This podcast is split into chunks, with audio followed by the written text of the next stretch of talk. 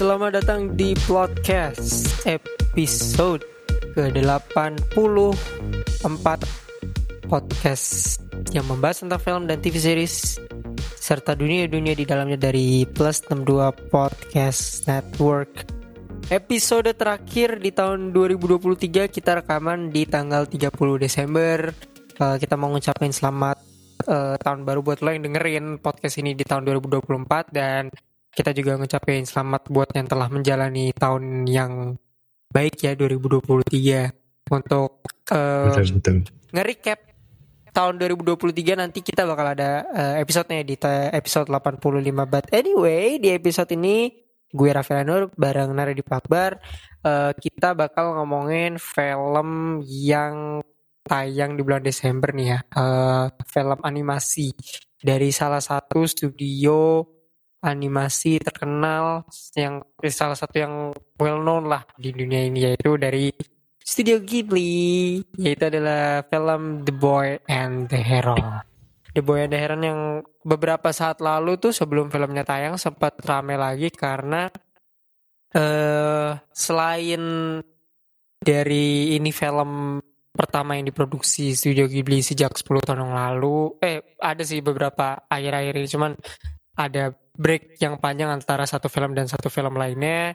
Uh, film ini di uh, Amerika itu di kan make dubbing Inggris ya. Dan yang ngisi uh, dubbernya tuh aktor-aktor terkenal lah di Hollywood. Mulai dari Robert Pattinson, Christian Bale, Dave Bautista, sampai Florence Pugh yang uh, ngisi suara di film ini. But uh, kita langsung aja nar The Boy and the Heron ini uh, salah satu film yang unik ya, berdurasi dua jam.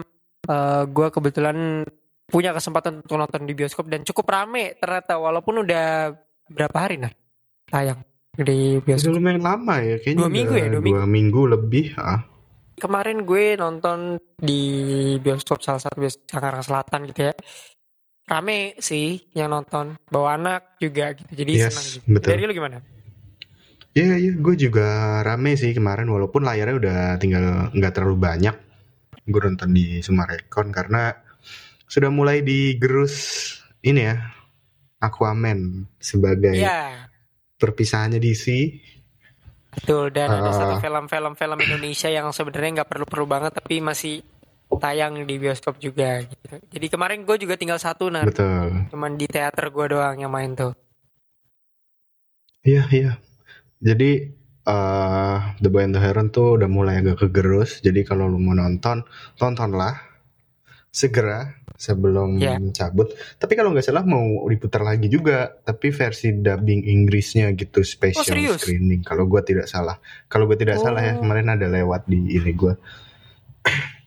Cuman ya kalau gue sih anime itu ya Jepang bro, anime kok iya. Inggris. Tapi kan Jangan nilai mau. nilai tawar nilai tawar yang diberikan kan lumayan tinggi gitu loh Iya maksudnya. sih, lu denger uh, suara-suara aktor aktor Hollywood gitu kan why not?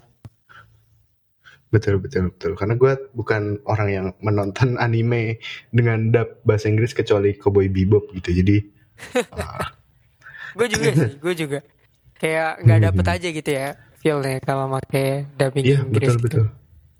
Mau mau anime apa pun deh kayaknya eh, kena dubbing Inggris tuh kayaknya kurang feelingnya kurang dapet. Gue kan nonton Naruto dan kalau dubbing Inggris tuh kadang ada beberapa yang lainnya oke tapi sebagian besar kayaknya enggak deh. Jadi mending Betul, pakai betul. Jepang aja. Eh, let's jumping to the boy and the heron. Boy and the heron ini sebenarnya kalau di Jepang tuh nama judulnya ternyata bukan the boy and the heron ternyata. Eh, the boy and the heron ini judul eh, Inggrisnya di Amerika itu beda lagi. Gue lupa apa gitu ya.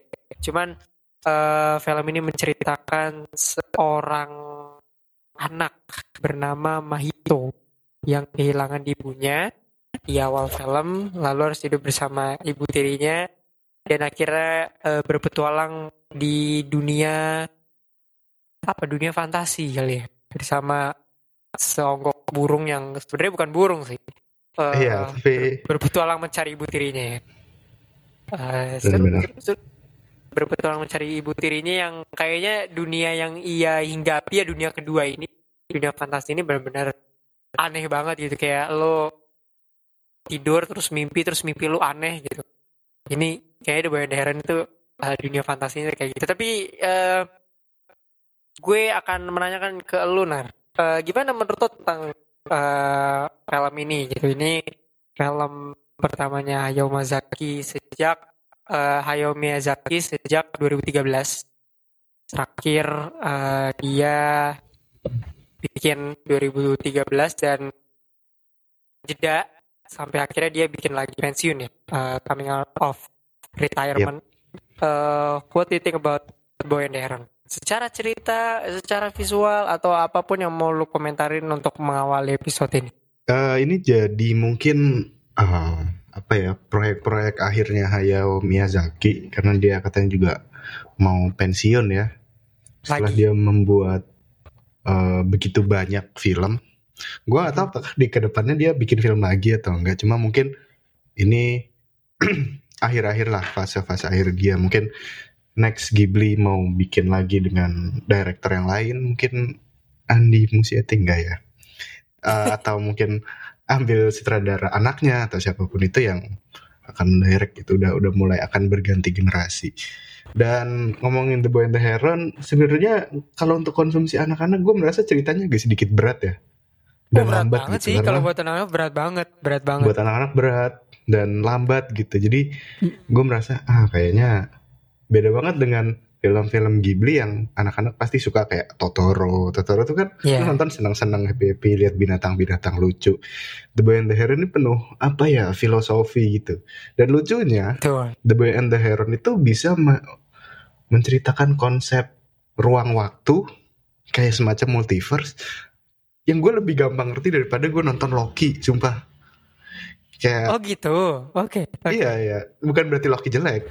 Bagus gitu. Cuman Loki tuh complicated ya. The Boy and the Heron begitu lu masuk dunia apa ya semacam dunia fantasinya itu ada banyak Akhirat pintu itu, dan setiap itu. iya sih.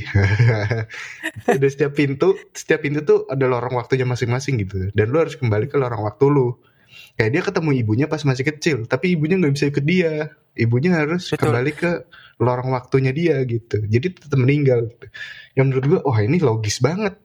Cuma memang bagian yang oh kami yang burung-burung itu burung apa ya gue burung pelikan yang didatang kamu didatangkan dari sini. Wah itu menurut gue berat sih. Terus ada wara-wara hewan-hewan kecil yang ternyata itu kayak interpretasi bahwa roh-roh manusia sebelum ditiupkan ke jasad gitu kayak wow. Ya. Imajinasinya keren, ya? menurut gue keren banget sih. Ah, pelikan yang makanin wara-wara dan segala macam penderitaannya si pelikan. Itu udah kayak apa ya mem mencoba membuat konsep akhirat sendiri gitu. Jadi sebenarnya berat film ini tapi bagus aja gitu. Gue suka apalagi kita juga bisa ngelihat bahwa uh, di sini petualangannya si Mahito tuh nggak cuma sekedar dia berpetualang di dunia fantasi tapi mencoba untuk melihat Mahito tuh harus apa ya accept gitu untuk menerima keadaan bahwa ibunya udah nggak ada dia harus menerima bahwa sekarang dia harus sama ibu tirinya dia harus menerima bahwa oh dunia fantasi ini tuh uh, apa ya kayak semacam dunia lain yang di mana ibunya ada tapi ketika dia masuk ke dunia nyata ya udah. Dia gak bisa lagi ketemu ibunya gitu. Gue mm-hmm. suka banget sih sebenarnya dengan cerita ini walaupun entah kenapa mulai ke akhir tuh agak melambat temponya sebentar terus baru naik lagi gitu. Pas mulai dunianya hancur runtuh itu apalagi kalau lu merhatiin setiap terutama dialog antara Kiriko dengan si Mahito dan Mahito sama si kakek buyutnya itu yang menyusun balok-balok itu supaya yeah, betul. dunianya tidak runtuh gitu itu gue wah ini keren banget gitu gue nggak kepikiran gitu sampai di situ bahwa ternyata dunia fantasi ini dipegang oleh satu orang gitu ini kayak Loki-nya di ya? Ghibli ya? nih iya ya? jadi dia memegang jadi si dunia fantasi itu berpegang pada balok-balok yang disusun itu gitu. Gue sampai wow ini gila sih. Gue kira akan dunia fantasi yang biasa seperti gue tonton di Ghibli Ghibli yang lain gitu yang uh, full fantasi.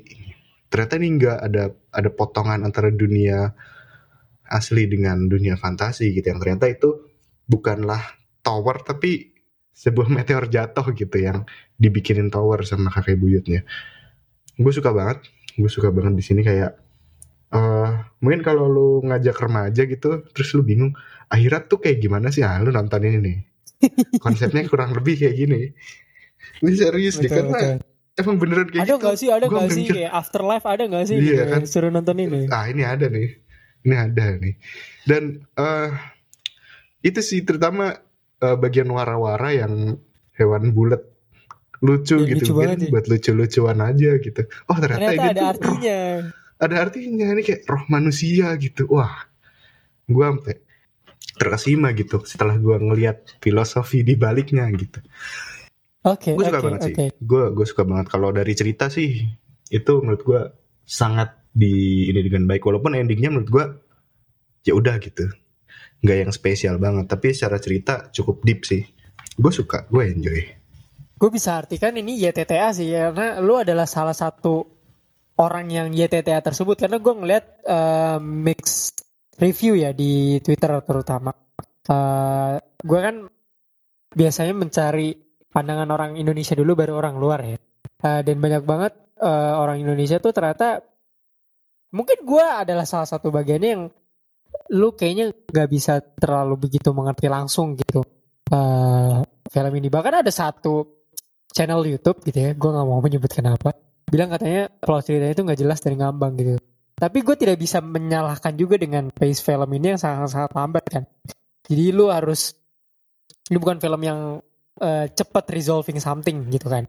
Eh, ada harus pelan dan ada meaning di balik itu gitu. Jadi eh gue ternyata mendengar eh, mixed review antara yang kita dengar sekarang di podcast ini di Nara dan kalau lu lihat review-review di luar uh, let's say di Twitter ataupun di YouTube terutama dari uh, orang-orang Indonesia but uh, the story itself sih cukup berada di circumstances yang berbeda ya. Terutama di awal di pertengahan sama di akhir tuh kayak hampir aja gue melihat dua film berbeda jadi satu gitu loh. Karena sepertinya motif di awal dan menuju ke tengah tuh kayak patah dan beda banget Uh, gitu dari awalnya.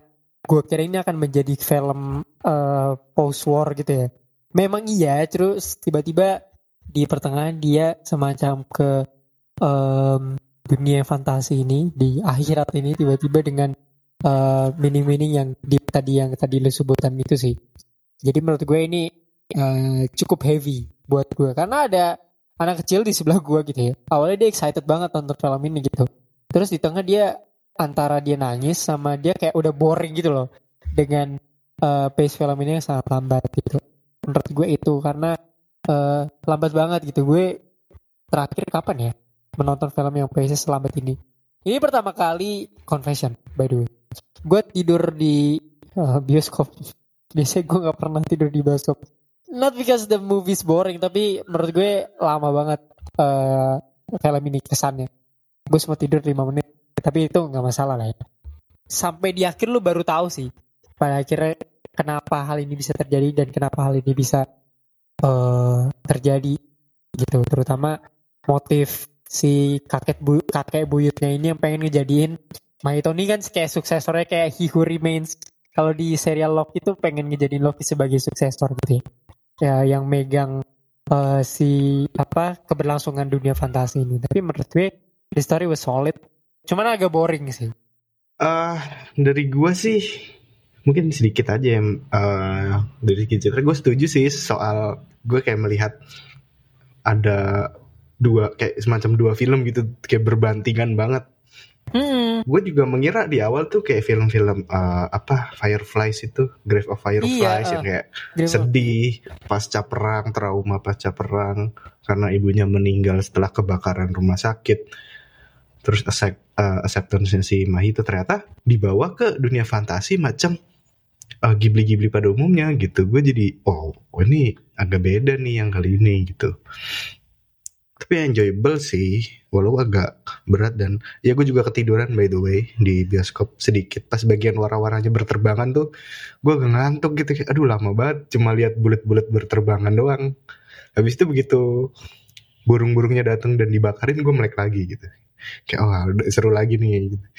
jadi memang uh, lambat sih di beberapa tempat gitu dan harus apa ya harus lu perhatiin aja kalau memang lu merasa menarik gitu. Mm -hmm. Tapi lu setuju nggak kalau ada yang bilang kalau film ini boring banget? Mungkin buat orang yang berharapnya full fantasi kayak uh, film-film Ghibli macam Spirited Away, Howl's Moving Castle, mungkin akan boring gitu karena tidak fantasi-fantasi amat, tapi kayak menjelaskan si dunia uh, akhirat dalam tanda kutip ini dan proses Mahito menerima keadaannya gitu. Itu yang hmm. lebih ditekankan kan. Jadi kalau lo mencari fantasi emang enggak sih di film ini fantasinya enggak terlalu uh, unik gitu menurut gua. Walaupun banyak burung-burung yang makan apa aja ya. Betul. betul, betul. Dan kaisarnya gitu. Jadi sebenarnya ada beberapa adegan yang menurut gue lucu gitu Coba memang kalau lu nyari fantasi emang agak boring untuk sebuah film fantasi gitu dan tapi, temponya lambat. Uh, ini tuh emang gak serius-serius banget sebenernya banyak banyak hal iya. sebenarnya lucu tapi mungkin karena emosi karakternya tuh flat jadi lu nggak lu harus tebak-tebak ini lucu atau enggak gitu. Tapi sebenarnya ada hal yang iya. lucu aja. Gitu. Banyak gitu. yang lucu, banyak yang lucu. Selain wara-wara, dia kejar-kejaran sama burung beo bawa, bawa pisau, bawa apa, itu lucu gitu. Terutama interaksi yeah. antara Mahito dengan mas-mas hidung besar yang jadi burung itu gitu. itu lucu gitu. Dia selalu selipin komedi di beberapa tempat. Cuma emang gue ngerasa mungkin orang banyak nonton Ghibli itu punya karakter-karakter yang emosinya wah naik turun atau cowok-cowok. Biasanya kalau di TikTok kan cowok Ghibli. Cowok Ghibli ya. terus oh, green flag perhatian apa segala macam. Di sini mah itu tapi flat flat masih trauma dan lain-lain. Memang agak beda aja gitu. Tapi this is good gitu. Untuk jadi bumbu lainnya Ghibli ini menurut gue bagus sih. Uh, uh. Cuma menurut gue nggak ya, nggak seboring awal, itu. Awalnya gue gua gua kira tuh banyak banget yang mengira tuh Ma Mahito tuh bakal jadi kayak the next another cowok Ghibli gitu. Tapi ternyata sejujurnya menurut gue this character has uh, this character is a dead character gitu loh karena gue tidak melihat um, banyak perubahan emosi ya di dia karena kan dia hmm. sejak awal sampai terakhir bahkan di awal tuh sempet dia ada fase di mana dia nggak ngomong sama sekali kan kayak cuman geleng-geleng atau kayak ngangguk atau kayak gimana. Terus baru pada akhir dia di dunia fantasi itu baru dia agak lumayan bawel gitu. Karena menurut gue Mang itu ini sebagai karakter utama tidak memberikan apa ya dynamic antara dia dengan karakter lain sih. Karena ke introvertan dia dengan uh, karakter lain jadi gue merasa tidak ada keterikatan yang uh, begitu serius dengan karakter lain tapi ya ya untungnya dia tidak menjadi another uh, cowok Ghibli cowok Ghibli lain ya yang diidam-idamkan di TikTok gitu jadi ya uh, for karakter sih I guess lebih banyak yang menarik sih Nar justru dibandingkan Mahito dari lu gimana? Iya di luar Mahito karakter-karakternya menarik gitu bahkan si Kaisar Burung Beonya pun menarik gitu. Iya malah jadi dia yang dia yang menyelesaikan balok itu kan bukan si Mahito. Iya karakter-karakter di luar itu tuh menarik gitu. Jujur pas di fase gue lupa di bagian mana ada pokoknya Mahito ke sekolah tuh menurut gue agak nggak menarik gitu agak flat, yeah. agak bosen gitu. Terus mulai menarik ketika si burung ini mulai berinteraksi dengan Mahito. Terus Mahito dilempar ke sebuah pintu, entah pintu surga atau apa pun itu yang ada banyak pelikan terus diselamatin Kiriko muda. Mm-hmm. Nah itu gue baru baru ngerasa oh ini karakter karakternya menarik gitu. Karena uh, gue gua awalnya ngira si burung biru ini jahat gitu. Akan jadi villain or yeah, something ternyata awalnya. dia baik. Dia baik. Tapi cuma licik aja tukang bohong gitu. Cuma ternyata dia baik dan selalu malah dia yang bikin menarik gitu. Film ini jadi ada jadi dinamis tuh karena ada dia gitu. Mm-hmm. ada lucunya ada deepnya ada kayak uh, Mahito jadi lebih hidup karena itu dan juga ada Kiriko tuh ngasih uh, bumbu jadi jauh lebih hidup gitu. Karakter-karakter lain kayak ibunya si Mahito tuh juga seru loh. Maksudnya gue tidak membayangkan gimana lu masuk ke sebuah dunia fantasi lu ketemu ibu lu pas lu masih seumuran gitu. Betul. Iya kan? Dan kekuatannya itu kekuatan si ibunya adalah api yang di mana itu kan sebenarnya traumanya si Mahito juga kan. Karena kehilangan ibunya dari sebuah api gitu. Iya. Itu menurut gue oh wow ini jadi uh, gue ngerasa bahwa si Mahito ini karakter yang flat tapi dihidupkan dengan karakter-karakter lainnya gitu. Si Kiriko ibunya burung-burung Ibu itu. tirinya. terus juga iya ibu tirinya burung beo. Bahkan si burung beonya pun ini lucu gitu. Jadi di dunia fantasi ini kita kira kayak semacam akhirat ya dalam tanda kutip.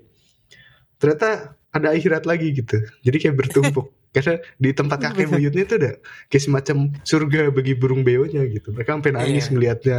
Iya kayak ini Dan- surga nih. Iya Banget itu lucu banget sih gitu. Isekai jadi eh dihidupkan benar-benar dihidupkan sama karakter-karakter lain gitu. Termasuk si raja dari burung beo itu juga. Menurut gua oh iya dia eh menghidupkan juga gitu. Di mana setiap karakter itu punya tujuan kuatnya masing-masing gitu loh. Mhm. si Kiriko tuh kayak menjaga keseimbangan lah di dunia fantasi itu. Si burung biru itu juga ditugaskan untuk eh, nyari Mahito si raja burung beo yang pokoknya gue mau gimana caranya dunia gue tetap stabil gitu. Tetap eh, menjadi dunia yang selama ini dia tinggali gitu sesuai perjanjian gitu. Si kakek buyutnya yang pengen Mahito jadi penerusnya supaya uh, dunia itu tetap ada. Jadi gue merasa bahwa ini bagus gitu. Setiap karakternya tuh punya tujuan yang kuat dan juga ada perkembangan karakternya gitu. Burung biru yang awalnya kita kira jahat tukang tipu lama-lama makin baik. Makin baik makin nolongin Mahito. Itu yang gue suka gitu. Jadi kita nggak hanya nonton ceritanya si Mahito tapi kita ngelihat bahwa oh ada banyak gitu loh. Bahkan si ibu tirinya pun juga sempat pas adegan dia datang ke ruang persalinan kan si ibunya kayak benci Mahito kan. Sempat kayak disuruh keluar dia benci segala macam terus mulai menyadari gitu mulai kayak oh Mahito datang untuk nyelamatin gua gitu. Jadi mulai berpikir mulai kembali nerima keadaan itu gitu. Bahkan di akhir pun kita bisa ngeliat bahwa ibunya Mahito kan bilang bahwa lo harus tetap hidup gitu. Gue tahu lo anak gue tapi gue nggak bisa ikut lo segala macam bla bla bla bla. Gue harus kembali ke masa eh waktunya gue sendiri dan si Mahito bilang tapi lo kan bakal mati gitu. Ya itu emang takdirnya gitu lo harus menerima itu. Itu menurut gue bagus sih. Di bagian itu menurut gue bagus. Jadi gue suka. Cuma sayang aja di akhir tuh si Mahito tiba-tiba kehilang gitu aja kan. Hilang ingatan Iya. ting terus udah kelar gitu filmnya. Gue kayak burung birunya ke mana nih? Apa dia jadi burung biasa? Karena kan semua burung beonya jadi burung biasa ya dari makhluk gendut-gendut itu tiba-tiba jadi burung kecil-kecil. Terus juga eh, si Kiriko yang nenek-nenek itu jadi boneka terus keluar dari kantongnya. Tapi semua fantasi itu begitu si burung birunya bilang goodbye udah kelar gitu aja ting terus filmnya selesai gitu. Gue agak nggak suka di bagian itu aja sih. Kayak ya udah selesai gitu ya.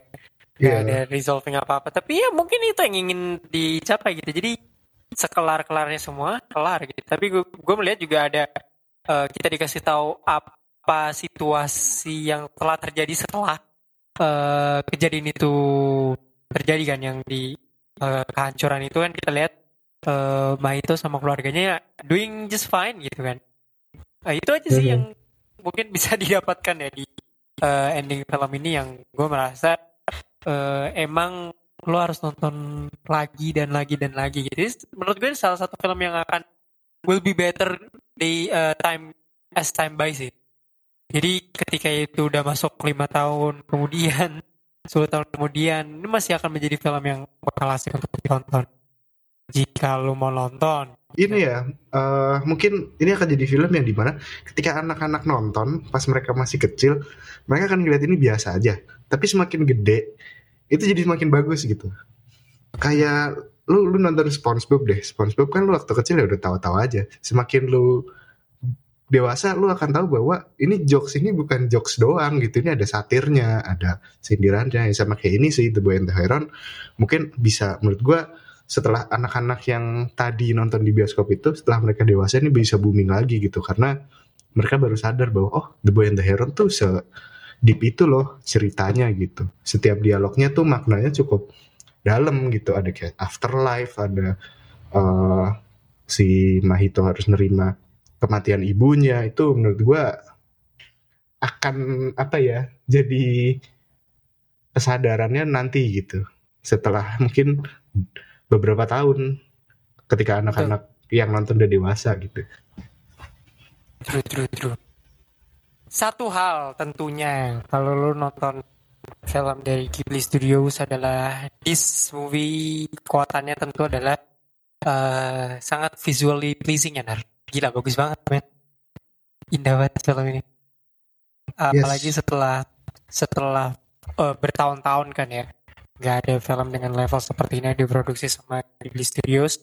Uh, mereka kembali dengan you basically the same uh, thing gitu ya. Kalau kita lihat tuh ada apa namanya rasa Ghibli-nya ketara tapi lebih I feel like lebih hidup aja gitu. What do you think about the looks of this film? Nggak perlu diraguin lagi lah kalau soal animasi gue suka gue paling suka tuh favorit gue pas bagian adegan kebakaran itu tiba-tiba kayak oh. animasinya di dilapisin api depannya gitu loh. Terus digambar pakai kayak entah kok cat air atau apa pun itu. Itu jadi beda banget animasinya. Di bagian itu menurut gue yang terbaiknya di situ. Karena bagus banget. Stylenya okay. tiba-tiba berubah gitu. Itu yang gue suka dari Ghibli adalah setiap anime tuh pasti nyempilin entah tiba-tiba ada sesuatu yang berubah gitu. Ada style yang dia coba untuk bangun sendiri gitu. Jadi gue suka tuh bagian pas kebakaran itu kayak ada beda gitu. Animasinya tiba-tiba jadi goyang-goyang. Terus kayak kita ngelihat dari dalam air kita ikutan ngelihat apinya itu menurut gue gila sih itu keren.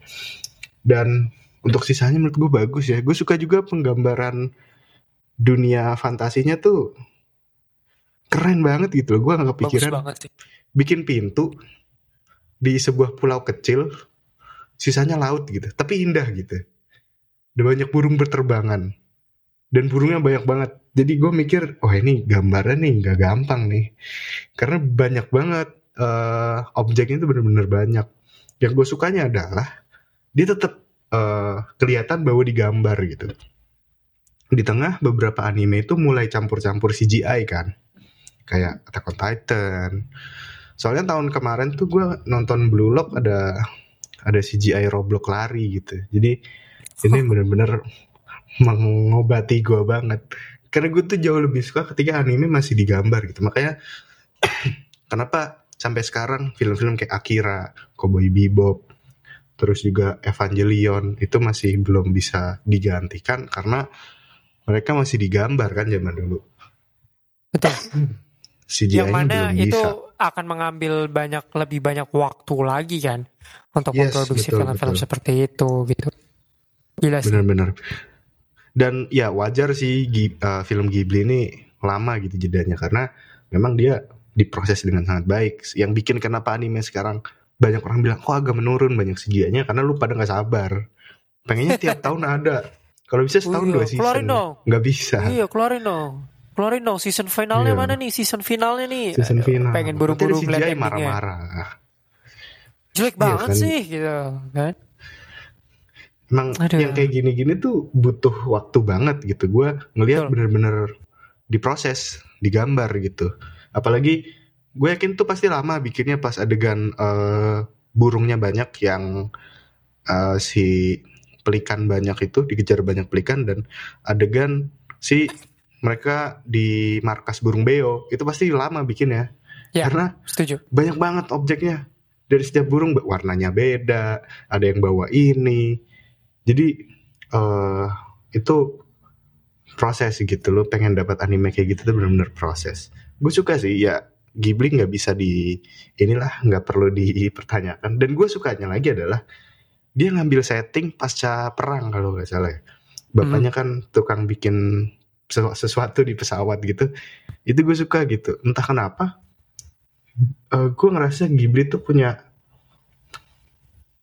uh, sering ngegambarin latar waktu entah pas perang dunia kedua atau pasca perang itu kuat banget. Even lu nonton gue tuh nonton apa ya waktu itu? Howl's Moving Castle deh kalau nggak salah.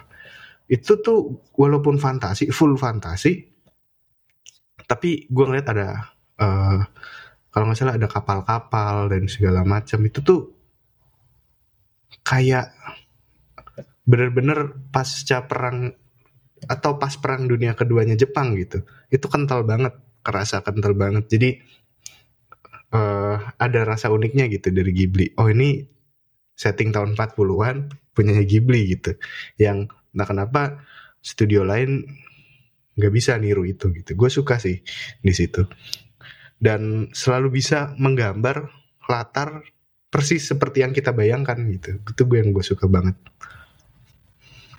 Yep yep yep uh, gue sih gue demen banget pas pertama kali Mahito ke dunia ini yang dia ngebuka uh, gerbang itu loh, nar, uh, yang dia diserang sama uh, burung-burung itu ya.